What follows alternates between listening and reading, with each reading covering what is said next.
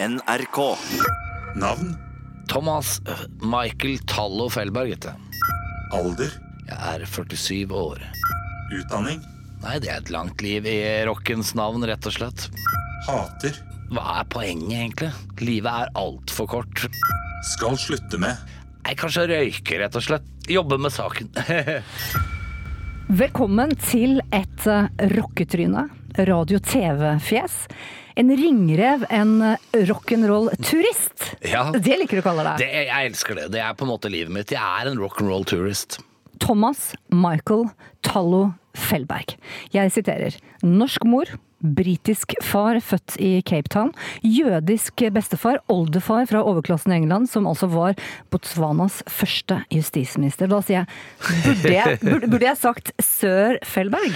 Nei, det er kanskje ikke så ille, men det er jo nesten på vei, selvfølgelig. Men eh, nei, det er jo en veldig fin, eh, rik historie som jeg har fra farssiden, som jo har inspirert meg egentlig hele livet, og som jeg kanskje aldri har vært en sånn Jeg har vært en del av det, men jeg har jo aldri levd oppi det. Eh, For det første så er jeg litt født litt for seint, men så er jeg jo liksom kasta her litt på berget, da. Moren og faren min skilte seg jo da jeg var ganske ung, og faren min eh, gikk gjennom to andre norske koner og tok med seg den siste til Aberdeen, mens moren min på en måte ble igjen, og hun er jo fra bygdeslekt fra Hønefoss, eh, Åsbygda, ikke sant, Jevnaker-området i generasjoner. Så det er jo på en måte en helt annen deal. Så jeg er på en måte litt sånn flere ting som eh, er med å bygge min identitet, som kanskje ikke er så synlig med en gang. Men jeg er både norsk og engelsk statsborger. Jeg har faktisk to pass. Du er der sjøl, og det er, det, er nok. Men du er ikke adelig, Thomas.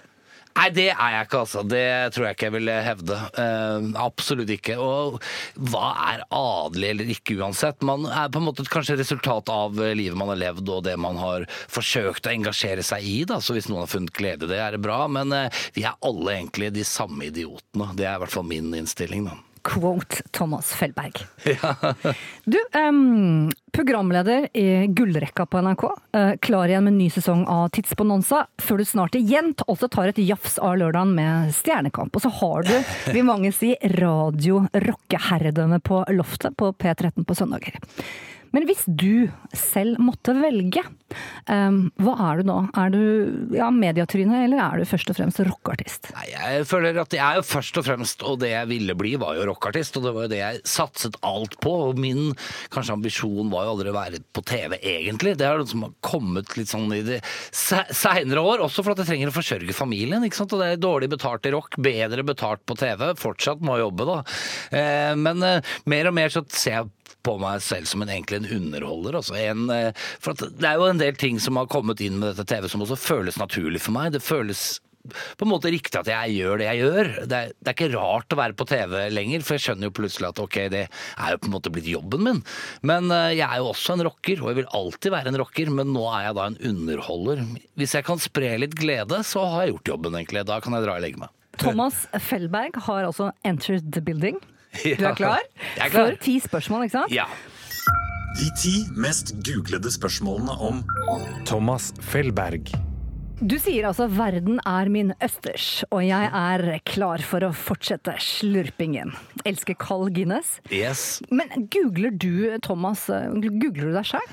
Nei, det er ikke så ofte. Jeg googler veldig mye annet, da, og særlig når jeg lager Feldbergsloft, eh, selvfølgelig, så er det jo mye linjer og mye diskografier og artister, så da blir det en del googling rundt det. Men det har jo hendt at jeg googla meg sjøl. Jeg skal ikke si at jeg ikke har gjort det. det ikke sant? Har det skjedd noe gøy, eller hvordan, hvordan er det egentlig der ute? Men det er ikke noe sånn daglig eller noe sånn ukentlig affære, fordi jeg er litt for opptatt av andre ting enn meg sjøl. Men du, jeg vet at jeg kan forvente meg mye av deg i podkasten, for at du sier at du at Jeg har jo skrevet sjøl, for jeg har funnet jeg har googla deg, og funnet på Facebook-siden din. Ja, okay. Jeg er en person som kan varme opp ethvert kaldt rom til kokepunktet. Ja, ja, Sitat Fellberg. Nei, nei, det er jo Da tar man jo med lighter og så en liten sånn uh, varmeovn, så blir det fort varmt i ethvert rom. Det går fort, det. Noe av det jeg kanskje kan komme med, som jeg nevnte, er jo kanskje å spre litt glede, og også ta liksom folk på alvor uansett. Jeg er ikke så jævlig snobbete av meg, egentlig. Eh, Jeg er ikke så opptatt av hvem du er eller hvor du kommer fra. Bare vi kan lage en atmosfære, så er det samme hvem du er. Come on, let's do it. Så da gjenstår det bare å spørre Thomas Felberg. Hot or not? Nei, det må bli hot, selvfølgelig. Hallo. Hot, hot, hot. Vi er i gang. Spørsmål 10. Thomas Felberg og bandet We. Ja, We er jo et band jeg starta i på Hovseter fritidsklubb, egentlig, med to brødre på gitar og bass som var ett år, et et år yngre enn meg, så jeg var liksom i midten. Og så begynte vi å øve der. Så fikk vi inn en bassist fra Hønefoss etter hvert, eh, og så har vi gjort mye forskjellig. Gitt ut plater egentlig i årevis eh, i undergrunnen og rundt, og starta jo som eh, Kanskje ikke er så kjent som et slags sånn husband. Kanskje det første vi gjorde sånn stort var da som husband for et sånt komiprogram som heter Show. Og det var jo egentlig da vi fikk jobben fordi vi skulle radbrekke norske klassikere. Lillebjørn Nilsen og Sissel Kyrkjebø og sånne ting. Og vi trodde vi fikk jobben for vi var bra, og vi skulle ha egen låt på rulleteksten, og nå skulle vi breake. Det var helt fantastisk. Men vi fikk jo egentlig jobben for vi var ganske lurvete og kanskje ikke kjempebra ennå. Så det gikk jo ikke bra. Det ble ikke noe stor, stort gjennombrudd, men en god latter, antagelig. Men altså, mange album, og det løsna virkelig med det prisbelønte albumet Smugglers. Da vinner det også i 2004 Alarmprisen 2005 for eh, beste rockealbum. Og vi skal høre litt. Og Spellemannpris og ikke Den minst. Kommer vi selvfølgelig tilbake til.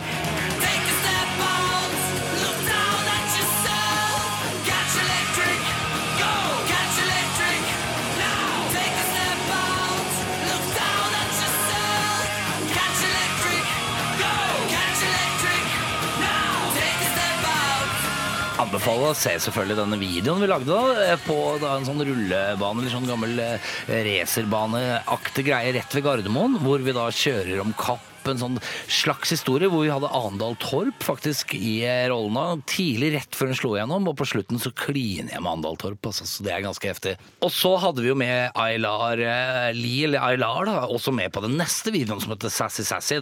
Så sånn sett så har vi jo da egentlig to videoer med ganske to profilerte damer akkurat før de slår igjennom. da. Så skjer jo det at dere er på europaturné med store navn som Queens of the Stone Age, og ikke minst, det begynner på M. Motorhead tenker du vel sikkert på, og Yes. Lemmys band selvfølgelig. Ja. Og da er du, altså bare så vi ser det for oss, du har en sånn sjamanaktig hodepryd. Du har svære solbriller, og selvfølgelig signaturen strømpebuksa.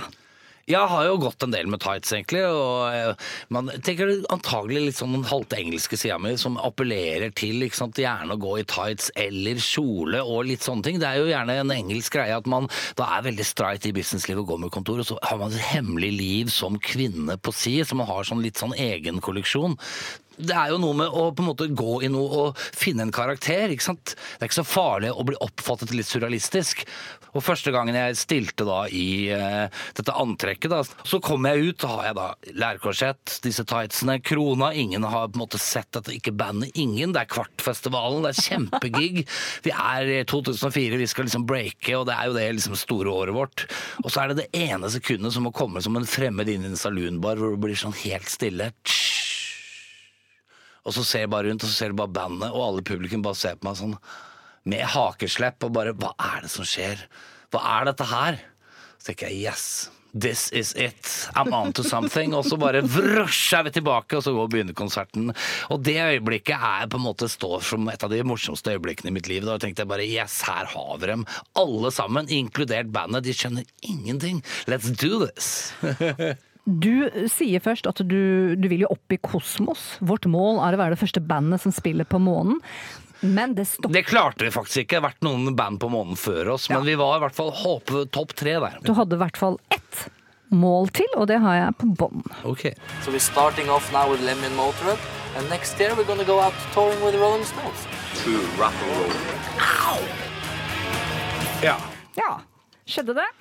Nei, Stones kom vi ikke til. Vi var på vei. Eh, hvis hadde kanskje holdt ut litt mer vi, Det er sånn man ikke vet, men vi fikk i hvert fall Motorhead, da. Så, men eh, vi har i hvert fall sett Stones eh, som konsertgjengere, så vi har i hvert fall vært i nærheten av Stones. Dere gikk sammen med andre eh, svære norske artister og danna det som ble og blir omtalt som Norges eh, supergruppe. Jeg tenker på Smoke Mohawk. Ja, på mange måter er egentlig gamle venner av meg. da Trommeslageren og eh, Danny Young og gitaristen eh, Raldo Useless, han kaller seg, eller Rolf Yngve Uggen da, fra Glucifer, er jo gamle, gode venner av meg. Og også we, egentlig. Har hengt masse rundt sammen på byen i Oslo og gjort mye ting eh, sammen, så det var egentlig naturlig på et punkt etter da Glucifer hadde ja, vi kan gjort det slutt i 2005. Nå er de jo tilbake igjen.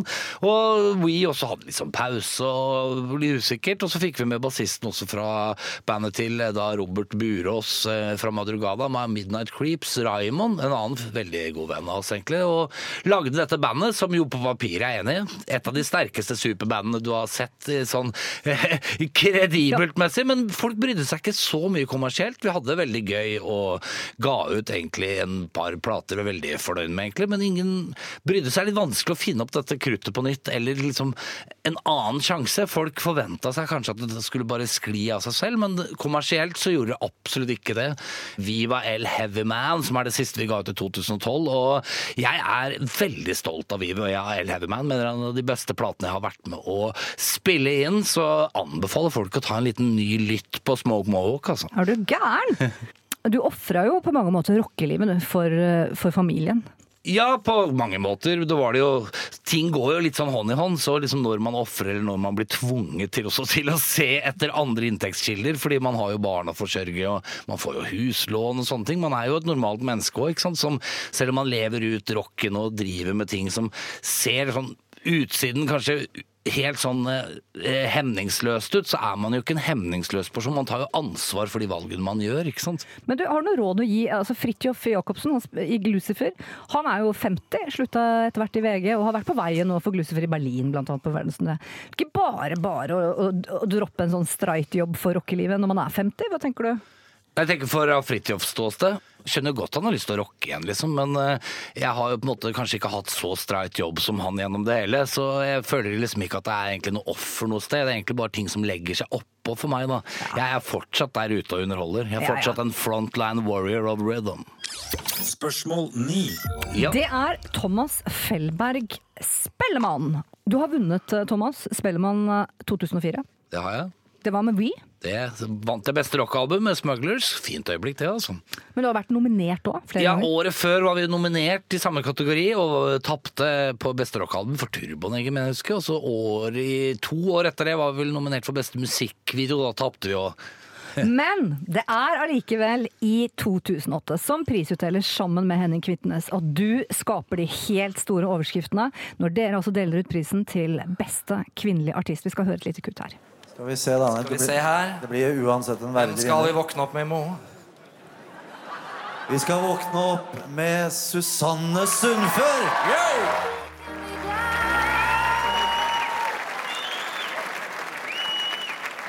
Jeg er først og fremst artist, og ikke først og fremst kvinne. Det er altså Susanne Sundfør vi hører her. Eh, Hva tenkte du? Henning Kvitnes prøvde å holde seg på manus, men han hadde jo egentlig ikke sjans. Så jeg kjørte en slags sånn liten freestyle over han. Han er veldig uskyldig dette her, og harselerte litt. Jeg innrømmer jo det, men eh, det er jo en dobbel bunn i hvem vi skal våkne opp med i morgen. Som, det? Ja, det er det. Og i England så hadde jo folk forstått den, ikke sant. Det er jo en liten sånn dobbel bunn ut fra at man skal jo våkne opp med noen og lese om de avisene. Man skal jo finne ut av hvem er det egentlig som man sitter med over morgenkaffen på internettavisene på. Men så ligger det en dobbeltbunnhet i det, som selvfølgelig også kan ses den veien, og det innrømmer jeg jo.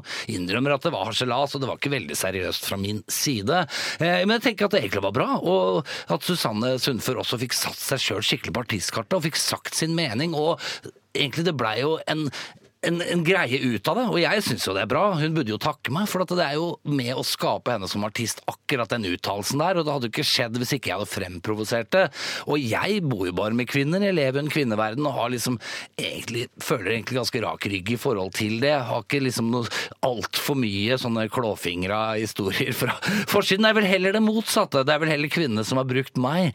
Så, så, så den saken er, er for så vidt grei, men jeg hoppa jo midt i noe, og det må jo sies at dette er jo ikke en isolert hendelse, fordi det hadde vært en pågående debatt i ukene før dette her, hvor eh, Ane Brun, mange eh, kvinnelige artister, eller eh, da artister, hadde måte gått ut og kritisert kvinnelig og mannlig Kategorien. kategorien og sånne ting. Dette er jo liksom det siste av en litt gammel verden, da, må vi kunne si. Og så kommer jo på en måte jeg å tråkke ritt inn i den debatten, og på en måte mater opp egentlig noe som allerede er der. Og, men sånn er det av og til, og jeg tenker at hvis dette er en av de få skandalene vi har på Spellemann, så bør jo folk lage noe mer skandaler. For du ser også at det kommer seg ut fra en liten framprovokasjon, kommer noe som er godt, og som også blir noe som man kan på en måte spore helt fram til i dag. Jo, nei, jeg er først og fremst artist, ikke kvinne. Jo, det blir jo et fantastisk kvinnesitat. Og jeg er all for it, jeg digger det. Du snur deg til noe positivt. Jo, men det er jo det, Ja, ikke sant? og at jeg er en katalysator av, og på en måte er litt slem. Jeg syns kanskje Norge må liksom lære seg at man må jo ta en mening og stå litt for den, og så er det ikke alltid at en krangel eller en uenighet eller noe som blir framprovosert, ender i noe negativt. Hvorfor skal livet være så jævlig på en måte halvlunkent hele tida? Bring me the hot or not. Men så i lys av metoo-debatten, eh, hadde det funka og å gjort det på scenen i 2019? Det er det er en annen tid. Det kommer jo fra intet, den kommentaren min. Det er jo ikke sånn som man var så bevisst på da. Men eh, hadde kanskje ikke ordlagt meg akkurat sånn nå. Fortell, folk lurer på deg Hvordan var stemninga liksom backstage senere på kvelden mellom dere og Susanne Sundfør? Nei, det var jo egentlig ikke noe problem. Jeg øh, følte ikke egentlig det var noe problem, og jeg hadde heller aldri noe Så det var jo aldri noe Hadde liksom jeg vært en eller sleazy dude, så hadde det kanskje vært en litt sånn klam hånd over det for meg i etterkant, men jeg er ikke det, så jeg syns egentlig det bare var gøy. Og som igjen, jeg, jeg digger at det skjedde. Jeg er litt stolt av det nå i ettertid, fordi jeg er jo selvfølgelig på kvinnenes side. Jeg vokste opp med en feministmor på 70-tallet, jeg, som var alenemor for meg i flere år. Og jeg jo vokst opp med de verdiene, så jeg har jo på en måte heller ikke noe problem med sterke kvinner. Jeg har en dame som er 1,87 og ser ned på meg krangler, så jeg, jeg er ikke redd for på en måte å se på kvinner som et sterkt skjønn. Så, sånn sett, men at det var flåseri, ja, jeg flåsa som bare det, men deilig. Dette er Dette skapte Susanne Sundfør. I should have had some royalties. Såpass! Dette var også 2008, men i 2012 så forsvinner også kategoriene mannlig og kvinnelig artist. Ja, og det syns jeg er bra. Det er vel egentlig ingen som har savna det eller tenkt så mye på det etter det heller. Og vi har jo kommet til en ny bevissthet også rundt akkurat disse tingene. Så what's the big deal? La oss bare fortsette nå og så på en måte respektere hverandre som mennesker. Og så er det forskjeller mellom kvinne og mann, men det er jo også bra. Akkurat som det er forskjeller mellom så mye, ikke sant. Ytterpunktene er jo med å mate hverandre. Det er jo midten som er det dølle stedet. Let's do it. Men jeg regner med i ditt liv så er vel den beste hittil i rekka av Spellemann, det er i 2018. Nå må du gjenformulere det. Nei, jeg bare tenker sånn historisk sett da, så vil vel du si at Spellemann 2018, Ja, sånn, ja, sånn, ja. det går i historien Nei, som det beste. Det er vanskelig, altså. Men der var jo du med eh, Jenny Skavlan, programleder altså. Det er ikke mange som gjør det igjen etter deg. Du har altså vært nominert, du har vunnet pris, du har laga skandale, og du har leda Spellemann. Ja, faktisk. Jeg delte ut pris en gang det ikke ble skandale også, faktisk. Eh, Nei, det, det er eh, Jeg føler jeg har gått full sirkel. Det er ikke så mye mer jeg har å utrette på, på, på Spellemann. Bortsett fra å bli kasta ut, da. Det tar du neste år. Det tar vi neste år. Expelled for life, det er det jeg går for nå, altså. Spørsmål 8. Thomas Fellberg, Tidsbonanza. Gameshow. Velkommen til Tidsbonanza. Det måtte komme.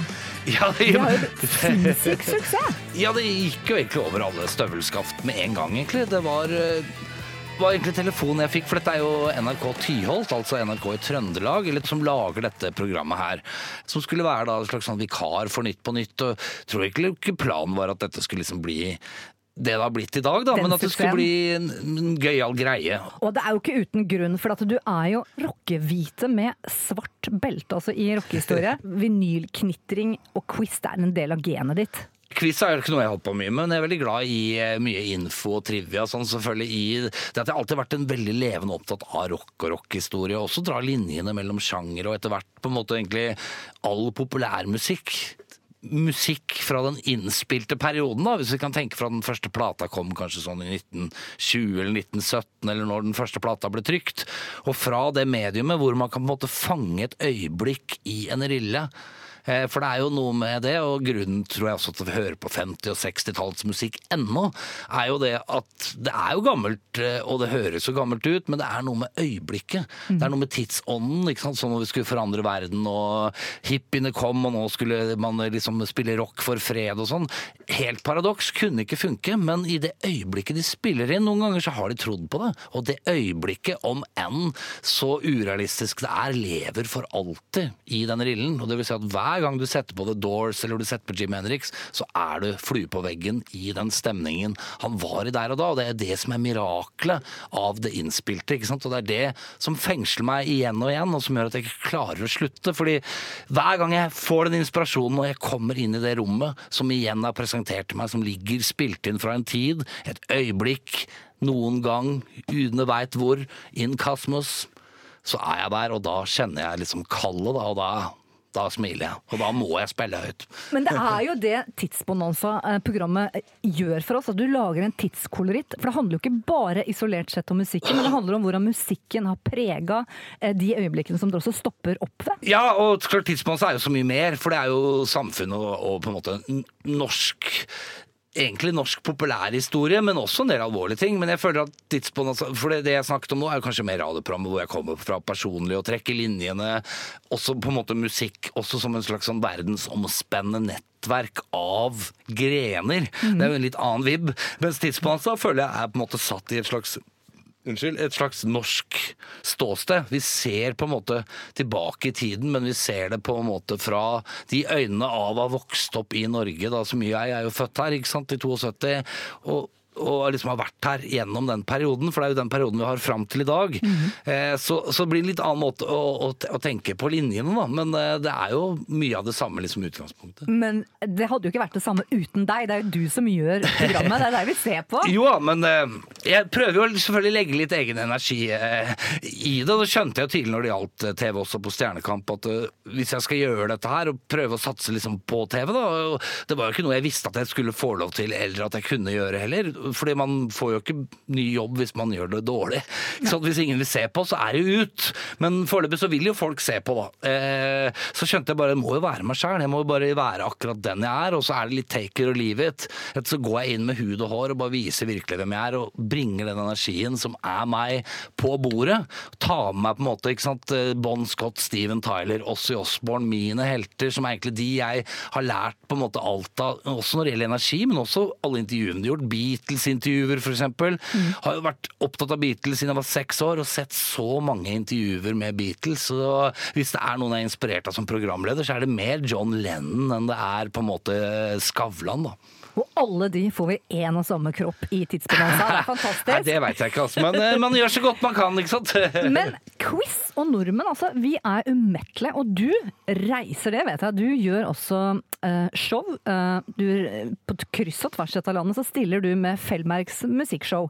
Og da kan man booke deg, og da stiller du før eller etter maten i smoking. Ja, jeg gjør egentlig selvfølgelig litt sånn eventer og sånne ting som andre gjør. Give me the dollars! Give me the dollars. Men du er blitt altså nærmere om tre år 50, men du er blitt en merkevare. Du har klart det sjøl. You're a self-made man. Ja, jeg vil jo si at jeg har jo på en måte brakt dette fram, men det går jo på å først liksom levere noe. Du må jo på en måte levere noe, da. Du må jo jobbe.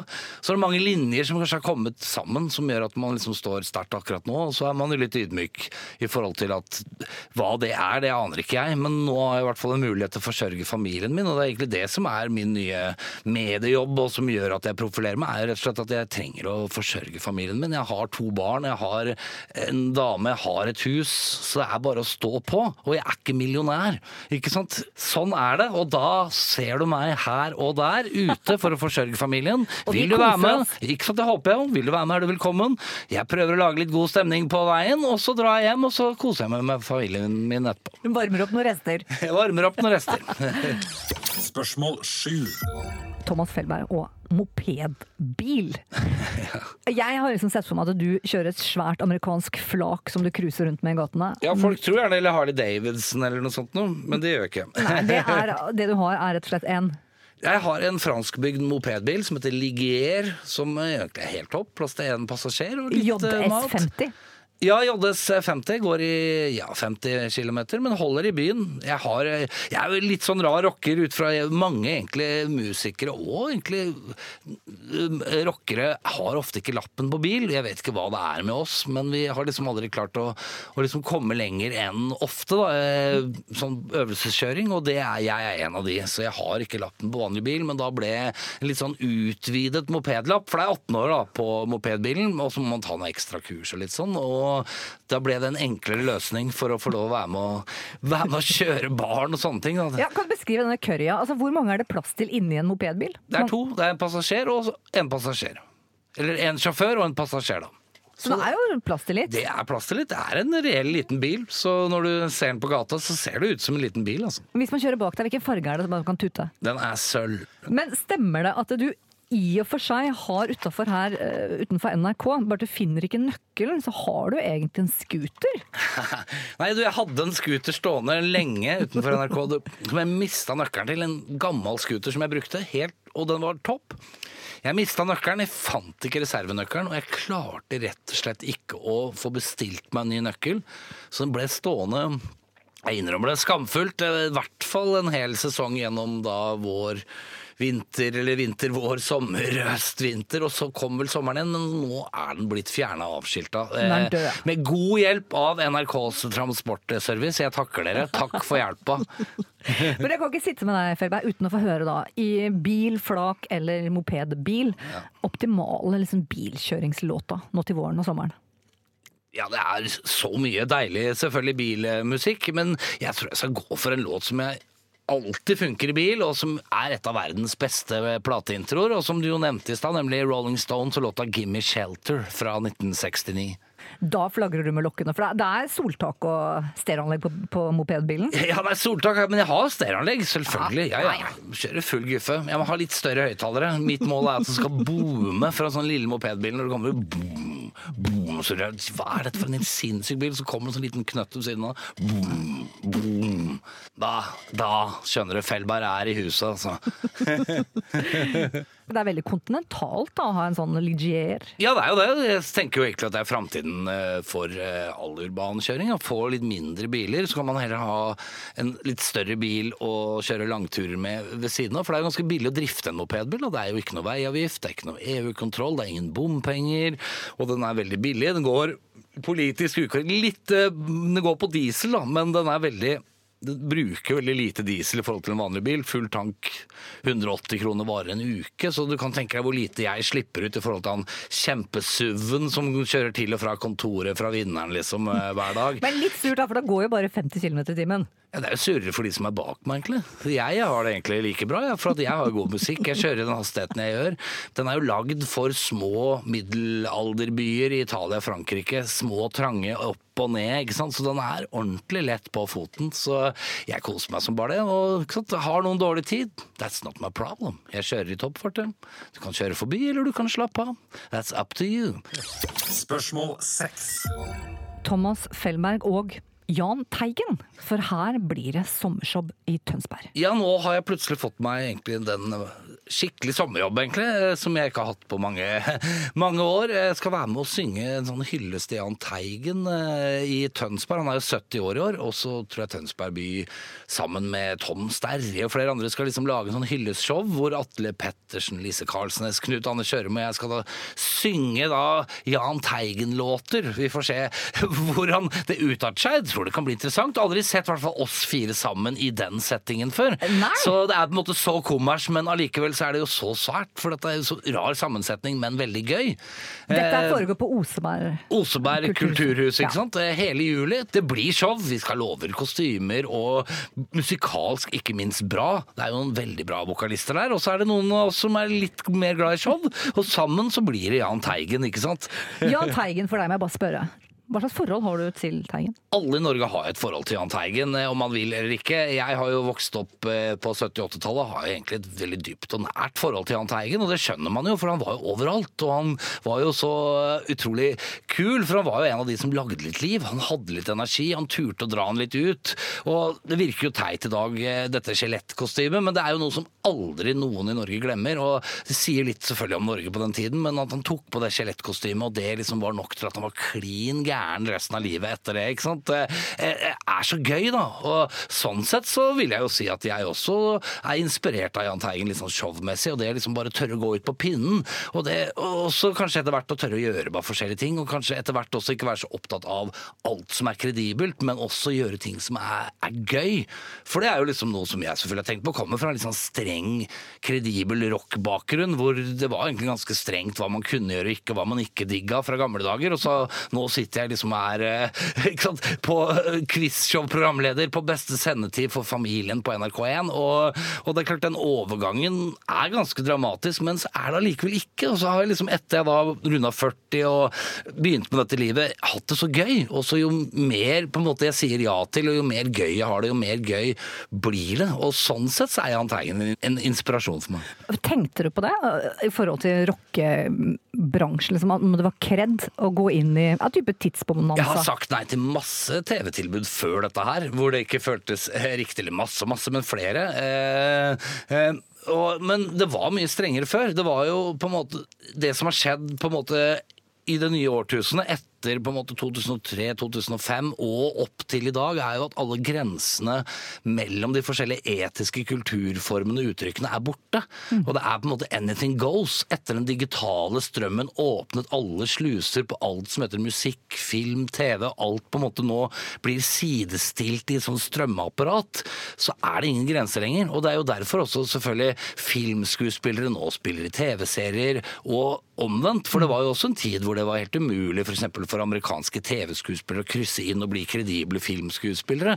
Og filmskuespillere på 80-tallet som hadde vunnet Oscar, ville jo aldri blitt sett i en TV-serie. Det hadde vært en ordentlig liksom, eh, nedtur i karrieren. Men de grensene er borte. Det samme gjelder jo også musikk og show.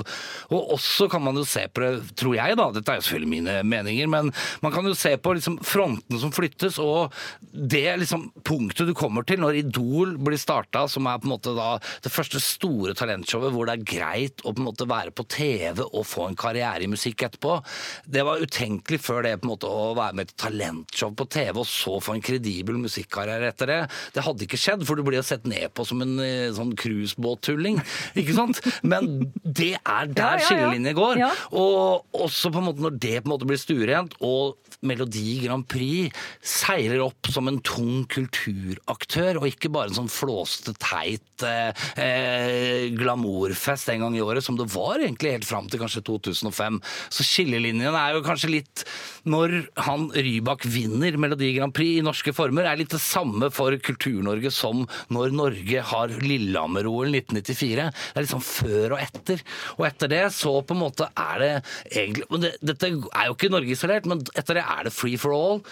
Og Kred-porten er nede, og så er det da grab it. Hvis du får et tilbud, så må man rett og slett gjøre det. Og det går jo også inn på plateselskapet i forhold til disse 360-dealene, hvor de skal ha styr på merchandise, de skal ha styr på T-skjorter, de skal ha styr på turneringen, de skal ha styr på platene dine. Ikke sant? For å kontrollere, fordi at plutselig så er artistlivet ikke bare blitt en ensidig greie. Man er ikke bare forfatter, man er ikke bare musiker, man er ikke bare skuespiller, man er all of the above. Man driver rett og slett sant, en franchise på mange måter, eller, sant, eller et firma. da. Og det gjelder at man selger da alle produktene. For man er jo på en måte Disneyland, og skal man ha Disneyland, så må man ha en velbugnende gavebutikk. Men en ting som du og Jan Fikk du en lang en? Ja, den, jeg likte den. Jeg fikk den i fleisen, og jeg likte den, Felberg. Men en ting du Men skjønte du hva jeg mente? Jeg skjønte alt, og jeg skal høre det på igjen, for jeg syns det var så bra. Jeg synes det var så bra. Jeg skal sovne til det. Men du, eh, det jeg tenkte på En sånn uh, merchandise som du og Teigen har felles, som du kunne kanskje tjent litt penger på overfor mannfolk, det er jo at begge dere to er jo tightsmenn. Ja, og det har vi jo, det er jo sant. Primavera. Der, følger jeg jo en god norsk tradisjon. Med Primavera, ja ja, det er sant. Vi burde kanskje solgt Teigen Fellberg-tightsene. Spørsmål fem. Der står det fritidsklubb. Ja, Hovseter fritidsklubb, tenker jeg. Nei, Der starta egentlig vi å spille i band da når vi gikk på ungdomsskolen. og fikk vi lov til å låne Hovseter fritidsklubb og ha det som øvingslokale når det ikke var klubb der. Eh, Og hadde vi ikke hatt det, så hadde vi jo ikke hatt noe sted kanskje å starte, egentlig. Så alt starter jo der. Og et slags veldig viktig samlingssted for oss på Hovseter når vi vokste opp på 80-tallet. Hovseter, som du kaller for Holmenkollåsens Bangladesh. Ja, det er et, et, et, et sitat tatt fra en annen tid, hvor det hadde ikke noe med at det var noe internasjonalt der å gjøre, for det var det ikke. Det handla om at vi var liksom det fattige pakket. ikke sant? Vi var de blakke folka. Vi var jo på en måte Bangladesh til Holmenkollåsens del i, da, hvis du kan tenke deg noe sånt. Og nå har du altså vært på barrikadene, for uh, fritidsklubben uh, skulle altså uh, legges ned, og du engasjerte deg i, i klubben. Jeg gjorde det, det, for jeg, har, jeg bor jo på Røa nå, har jo barn på eh, Steinerskolen på Hofstadter. Går jo ofte over Hofstadtersenteret ennå. Var jo med å forme mye av min identitet i ungdomstiden, og veldig godt sånn tilholdssted. Mona B. Riise, min eh, makker fra eh, Stjernekamp, hun gikk jo parallellklassen min på Hofstadter på ungdomsskolen. Så vi har kjent hverandre lenge. Hun startet jo hele sin radiojournalistiske karriere da, også på Hofstadter fritidsklubb, med et intervju med Carl I. Hagen, av alle ting. Eh, Sånn at, og det er jo mange som måtte ha starta der, og de hadde fullt øvingsrom. Det er viktig å ha et sted i drabantbyer og for ungdommen hvor de kan på en måte være seg selv, og det er viktig å ha et alternativ til folk som ikke er interessert i sport. Sant?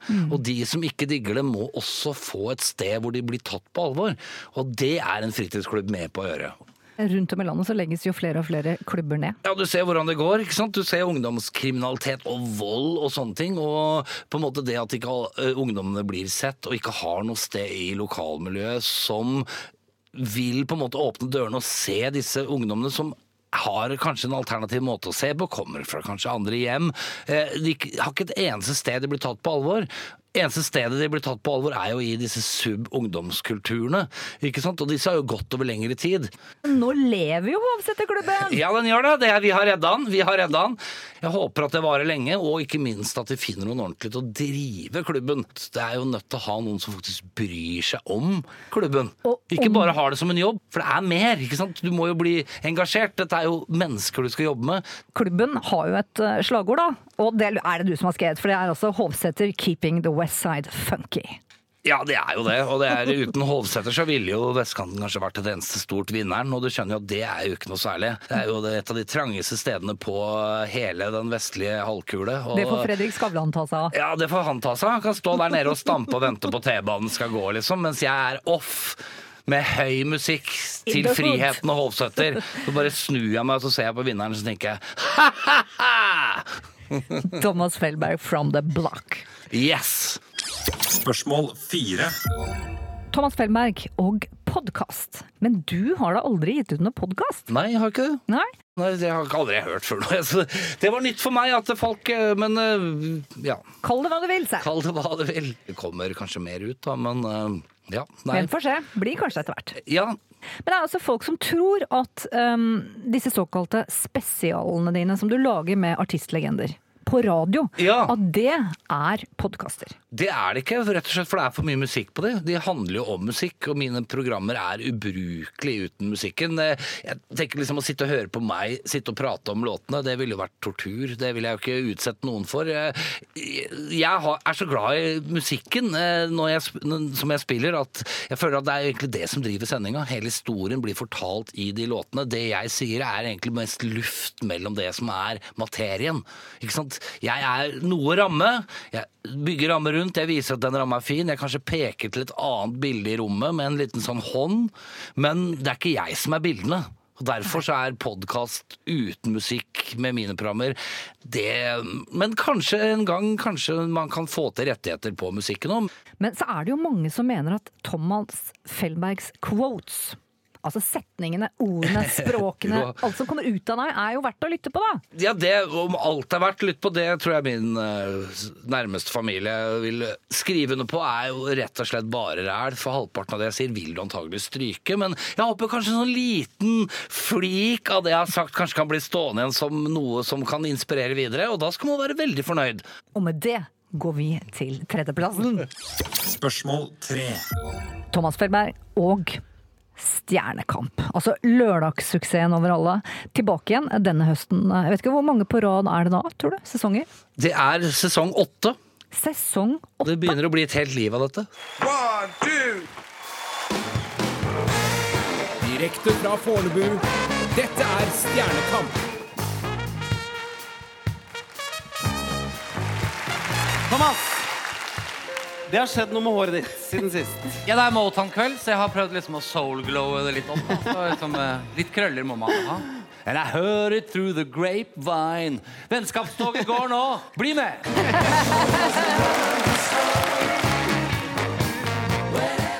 Og det er altså programleder Kåre Magnus Berg, det er deg, og det er Mona B. Riise eh, i fast musikkekspertpanel. Ja.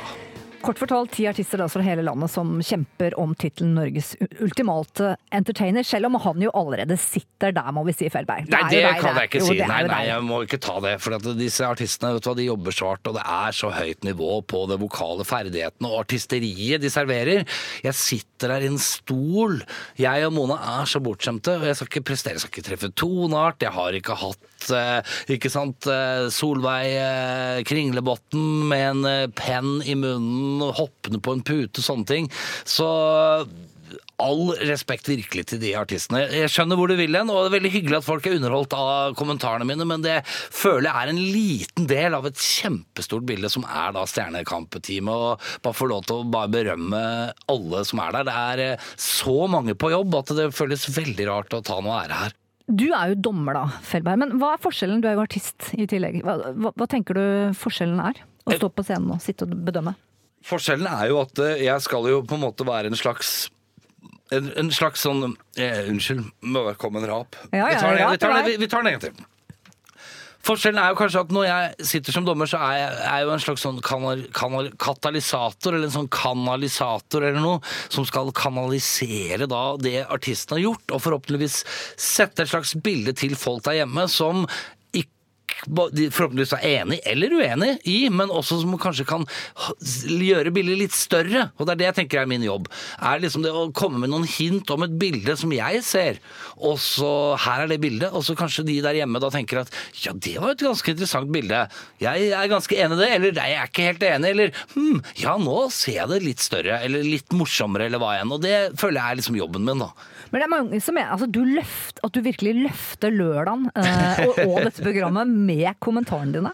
Det er utrolig hyggelig å, si, men igjen så er det jo vanskelig for meg å se det helt utenfra. og Føle liksom at man er en brikke i en stor del som er Stjernekamp. Det er live, det er Kåre Magnus Berg som leder dette helt fantastisk. Og eh, ikke minst han og jeg har så god tone etter hvert. Det er Mona B. Riise som jo har en veldig annen stil enn meg, men vi utfyller hverandre. Og jeg hadde kanskje ikke fungert så godt i forhold til de tingene, og omvendt, hvis ikke det hadde vært oss to. For det er utrolig dynamikk mellom meg og Mona. Selvfølgelig vi har kjent hverandre også i godt over 30 år, snart 35 år siden vi begynte på i ungdomsskolen sammen, så vi er jo ganske avslappa med hverandre. Det er liksom noe med å gi og ta rom, ikke sant. Så det, Men så glemte en annen ting som også er en veldig sånn severdig grunn til å se Stjernekopp, og det er hva kommer Thomas Felberg til å ha på seg? Ja, det blei jo tidlig en sånn greie at jeg skjønte jeg måtte dra Hvis jeg skal dra liksom tightsene, krona, litt det fantastiske rockegreiene inn, så hva er det? Og så er vi jo liksom i forskjellige sjangere på Stjernekamp, så det var egentlig der det ble født. For at jeg var interessert i å kle meg opp litt i sjanger. Motemessig og hårmessig. Som en hyllest selvfølgelig til sjangeren, men også som en litt sånn morsom greie. Bare for at eh, ikke sant, Akkurat som du setter opp eh, en eller annen sjakkbrikke hvis du har en sjakkspesial, eller du setter opp en eh, liten cowboyhatt hvis du snakker om westernfilmer. Bare for å liksom skape noe som på en måte blir litt mer interaktivt enn bare artistene. At vi sitter liksom Og, Mona også elsker jo det. Så når jeg kom liksom inn som hoveddommer etter et par sesonger, så var det vel aldri noe tvil om at Mona og jeg så på hverandre. Nå, nå skal vi kle oss opp. Nå er det sjanger. Og da sier vi at dette her er drømmeprogrammet ditt. Det kunne ikke blitt bedre. Nei, det var veldig gøy fra dag én. Først så starter det med at jeg blir ringt opp og spurt om å synge, lære å synge rock. Så var jeg rockmentor de to første sesongene. eh, Og sesong én så er det da Rita Eriksen som jo vinner dette her. Og så tar hun meg tilbake da som liksom favorittmentoren i eh, Og det var liksom rock, da. Og så lærer jeg henne rocken igjen på finalen, så vinner vi jo hele finalen. Eh, rett foran Tommy T og hiphop og Valkyrien-vokalisten eh, ikke sant. Eh, Og velfortjent eller ikke, det gjorde vi, og det er jo liksom kanskje der det liksom starter egentlig litt, da. Og så neste år så blir jeg da rockmentoren igjen, og så året etter så får jeg tilbud om ikke jeg skal være hoveddommeren, da. Og da skjønte jeg jo plutselig at det, nå har du en mulighet til å liksom vise litt hvem man er, vise litt farge og ha det litt gøy, da. Eh, Og det gjorde jeg, og det gikk jo egentlig veldig bra. Så nå er jeg her ennå. Sjette sesongen som hoveddommer, åttende sesongen i Stjernekamp. Kommer den dagen, Thomas Felberg, kommer det en dag hvor du også selv, for du er jo entitled, altså du burde jo kunne gjort det når som helst, og hopper du inn selv som en av disse ti artistene? Ja, Det spørsmålet får jeg jo egentlig hvert eneste år fra en eller annen, og det skjønner jeg godt. Jeg er jo gammel vokalist og jeg har en habil rockstemme, men jeg er ikke liksom, på det teknisk høyeste nivået. Jeg synger ikke opera, og det er høyt nivå å synge gjennom hele Stjernekamp og vinne. Jeg tror ikke jeg er teknisk god nok, jeg tenker at jeg hadde bløffa meg på sjarmen til opera, og så hadde jeg blitt kasta ut etter det. Er det opera som hadde vært verst? Ja, men det, det er bøygen. ikke sant? Det er egentlig der Clinton skilles fra hveten. fordi at på opera du kan lære mye av Solveig, og du kan også komme videre på sjarm der. Men som oftest så liksom skjønner du at ok, de som fikser operaen, det da, er, da er, det er som oftest da topp tre, topp fire. Spørsmål to. Thomas Felberg, jeg vet ikke om det er skandale, men det er singlet. Fordi september 2014 så er det altså god stemning i de fleste stuer. Det er funkykveld og- i, i Stjernekamp, og um, det er altså den kvelden eh, de deres gitarist Unni Wilhelmsen er førstemann ut av konkurransen, men det er ikke den artisten som får mest oppmerksomhet av TV-seerne den kvelden. Du setter altså ned i dommerpanelet der, iført hva da? Nei, det var jo ikke så mye mer enn singlet. da, Litt sånn funky og svett. Eh, igjen så innrømmer jeg at jeg kjører litt løs kanon der, og hadde vel egentlig en jakke jeg skulle ha på meg, men den jakka syns jeg ikke passa så godt. Og hadde vel ikke vært innom eh, kostymeavdelingen som hadde egen eh, delegat til stede, eh, og godkjent det heller. Jeg hoppa vel bare rett inn og sa da går jeg for singletten. Og dette var jo, som du sier, episode to, eh, min første gang som hoveddommer, og folk kjente meg jo kanskje ikke så godt ennå, så det ble kanskje litt mye. Folk mente også at det kanskje da når du løfter armene og liksom litt sånn mannlige hår under armene rett inn i stua når man spiser pizza, det var litt mye. Eh, Helvete var jo løs, og det kokte på sosiale medier. Altså, folk fikk tacoen i halsen. På Twitter så ble du også beskrevet Fellberg er frastøtende. Lite delikat å få servert armhulene hans eh, i Stjernekamp i nærbildet midt i lørdagskosen. Eh, Kommer det. Ja. Nei, så gjorde jeg jo det. Og så ante ikke jeg noe om det. Hadde ikke egentlig tenkt så mye over det. Jeg må innrømme det. Jeg tenkte at det var bare deilig, og så litt luftig også. Blir varmt, det er jo mye lys og sånn. Eh, og kom av, da var jo hun ganske sint, hun kostymedama. Hva er det? Du gikk ikke forbi. Og dette her ikke sant? Nå er jo folk litt mer vant med at det er mye rare klær. Eh, men eh, så tenkte jeg at dette er jo egentlig kjempebra. Fordi det er jo akkurat derfor Beatles fikk oppmerksomhet òg. De hadde først trange bukser og rare hår, og så hørte man på musikken. ikke sant? Og det samme gjelder jo egentlig mye. Man må ha den stikken som det heter, da, innsalget. Så tenkte jeg her er stikken min. Singlet Thomas, på kjør på. Eh, Så var det jo vel Susanne Aabel da, som også skrev en eller annen blogg eh, i forhold til dette her, og så var, ble det en greie. Så var det vel nevnt i VG plutselig, Ja, ja. og så, og så blei det plutselig litt sånn snakkis. Så jeg føler liksom at det vokste kanskje litt ut fra flere som tok tak, og så ble et par fjær om til en ganske sånn fin ting, hvor det på en måte var med å liksom selge meg inn. Og fra derfra ut så kommer jo spørsmålet hva skal Felberg ha på seg Ja. i morgen? Og så hadde jeg jo egentlig planlagt hele sesongen, så jeg visste jo at jeg skulle fra singlet og over i dresser, og at jeg hadde jo på en måte virkelig planlagt å kle meg videre, skikkelig, og at det skulle bli gøy.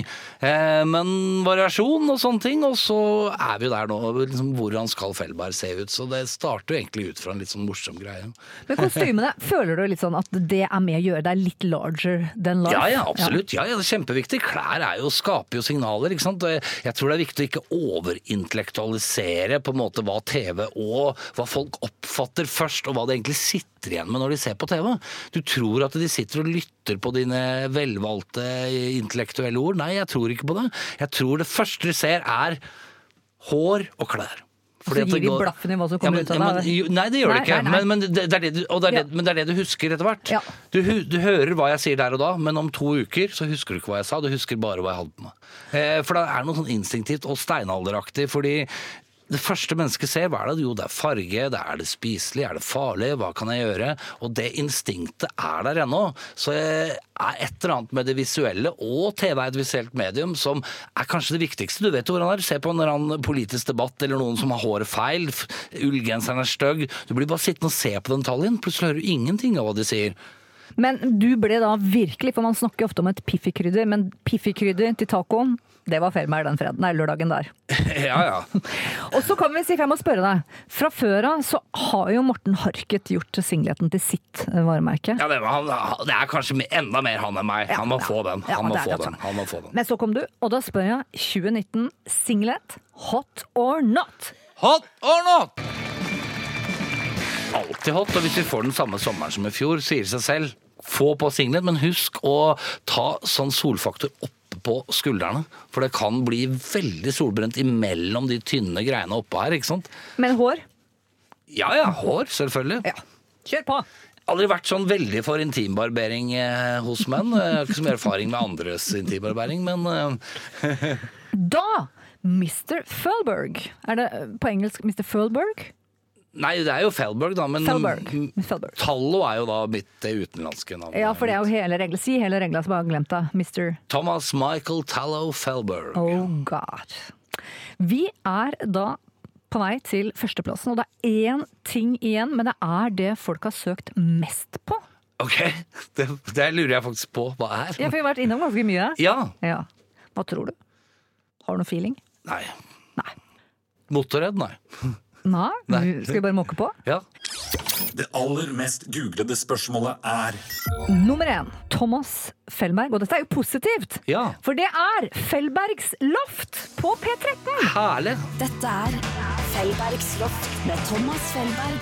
NRK P13. When it became night, he stayed by himself, usually in his secret, hidden bedroom. One night, while nearly everyone was asleep, he took out of the attic a radio and he decided to listen to it. Det burde jeg jo egentlig ha skjønt, eh, selvfølgelig. Nei, men det er jo veldig bra at det er det mest søkte programmet jeg har. Jeg har jo jobbet på radio i 17 år, faktisk. Jeg begynte jo høsten 2002 først da å lage litt programmer for Musikkmisjonen og Rocksrevyen og sånn, som det het på P3 da. Og så fra høsten 2003 så inviterte Harald Are Lund meg da inn i sitt program, og så hadde jeg jo program eh, med han hver eneste uke i ti år, eh, faktisk. Og så ble jo P13 et faktum. Så har det vært fem år med Fellbergs Loft nå, og jeg har da vært på lufta hver uke på NRK radio, på P3, P2 eller P13, bortsett fra kanskje syv uker i løpet av 17 år. Og jeg kjører heller ikke repriser, er ikke for å skryte for mye, men jeg er altfor personlig involvert. Så når jeg drar på ferie, så spiller jeg en tre-fire programmer og bare gjør de klare. Vi blir ikke kvitt deg. Du blir ikke kvitt meg. Og det er ferskvare hver uke på Fellbergs loft. Jeg kommer ikke til å bryte av den 17-årige ruta. Jeg skal gå rett og slett til 70. Hver uke blir det Fellbergs loft. Er helt imponerende. Nytt Fellbergs loft. Det er min ambisjon, altså. Er du på en måte hva skal si, NRKs Howard Stern, som du ser det?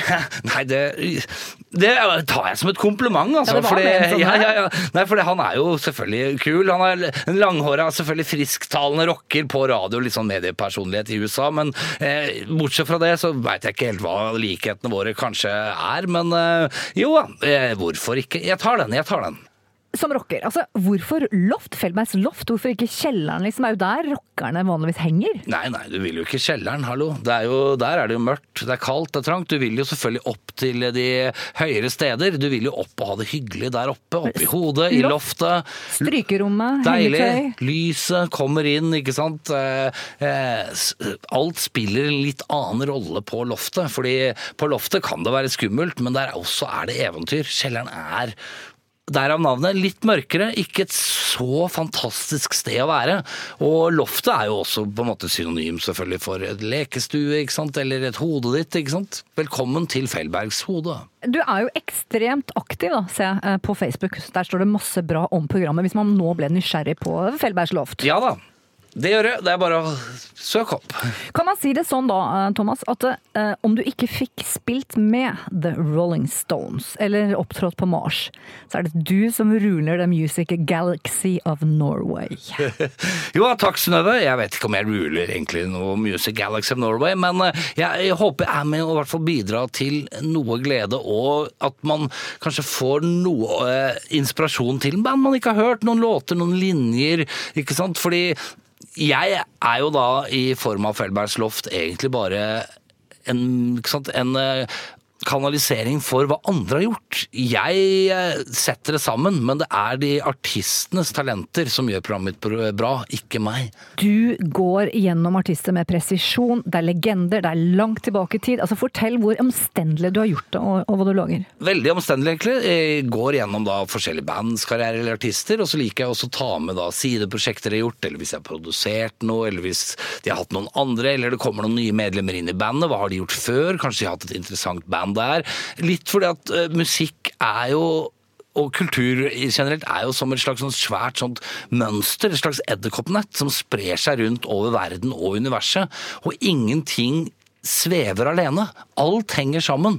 Og noe av det gøyeste jeg vet om, er hvis jeg kan trekke linjene og se sammenhengen mellom to ting som kan virke separat, men som allikevel alltid er linka på et eller annet vis. Da.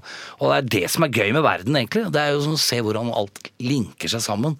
Hvordan linjene går gjennom historien, gjennom kulturen, gjennom livet.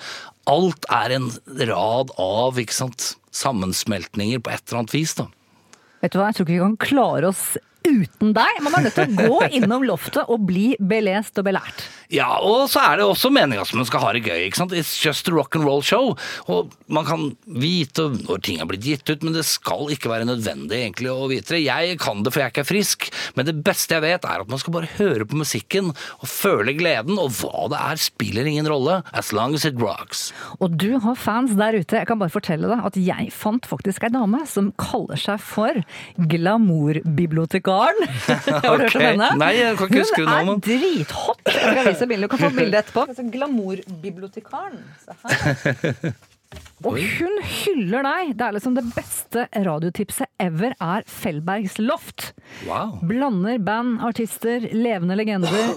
Du har fans der ute, Fellberg. Det er veldig hyggelig. Ja, ja, ja.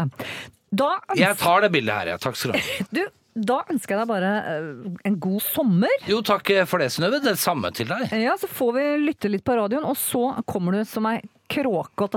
Så, du, du kommer til å ikke Jo, jo, kråke. men ja. jeg er en liten kråke. Så det, det, jeg kommer for å krake og eh, scrolle og Inn i TV-skjermen fra høsten av på Stjernekamp. jeg, Det skal komme en siste historie. Yes. Som på en måte egentlig innfaller litt med kråka. Og litt sånn kanskje jeg føler meg. Jeg tar meg selv veldig lite utydelig, og jo mer jeg gjør, eh, og jo bedre det går, jo mindre utydelig klarer jeg å ta meg. For hva er jo egentlig alt dette her? Hva er livet? Og litt kanskje er at jeg var konferansier på en eller annen jobb her for ikke så altfor lenge siden, og det var da tilfeldigvis ute på eh, I Asker, faktisk. I Asker sentrum. Og så går, står jeg vel og skråler litt sånn Fellbergs rundt og hei og hopp og velkommen til et eller annet kra-kra.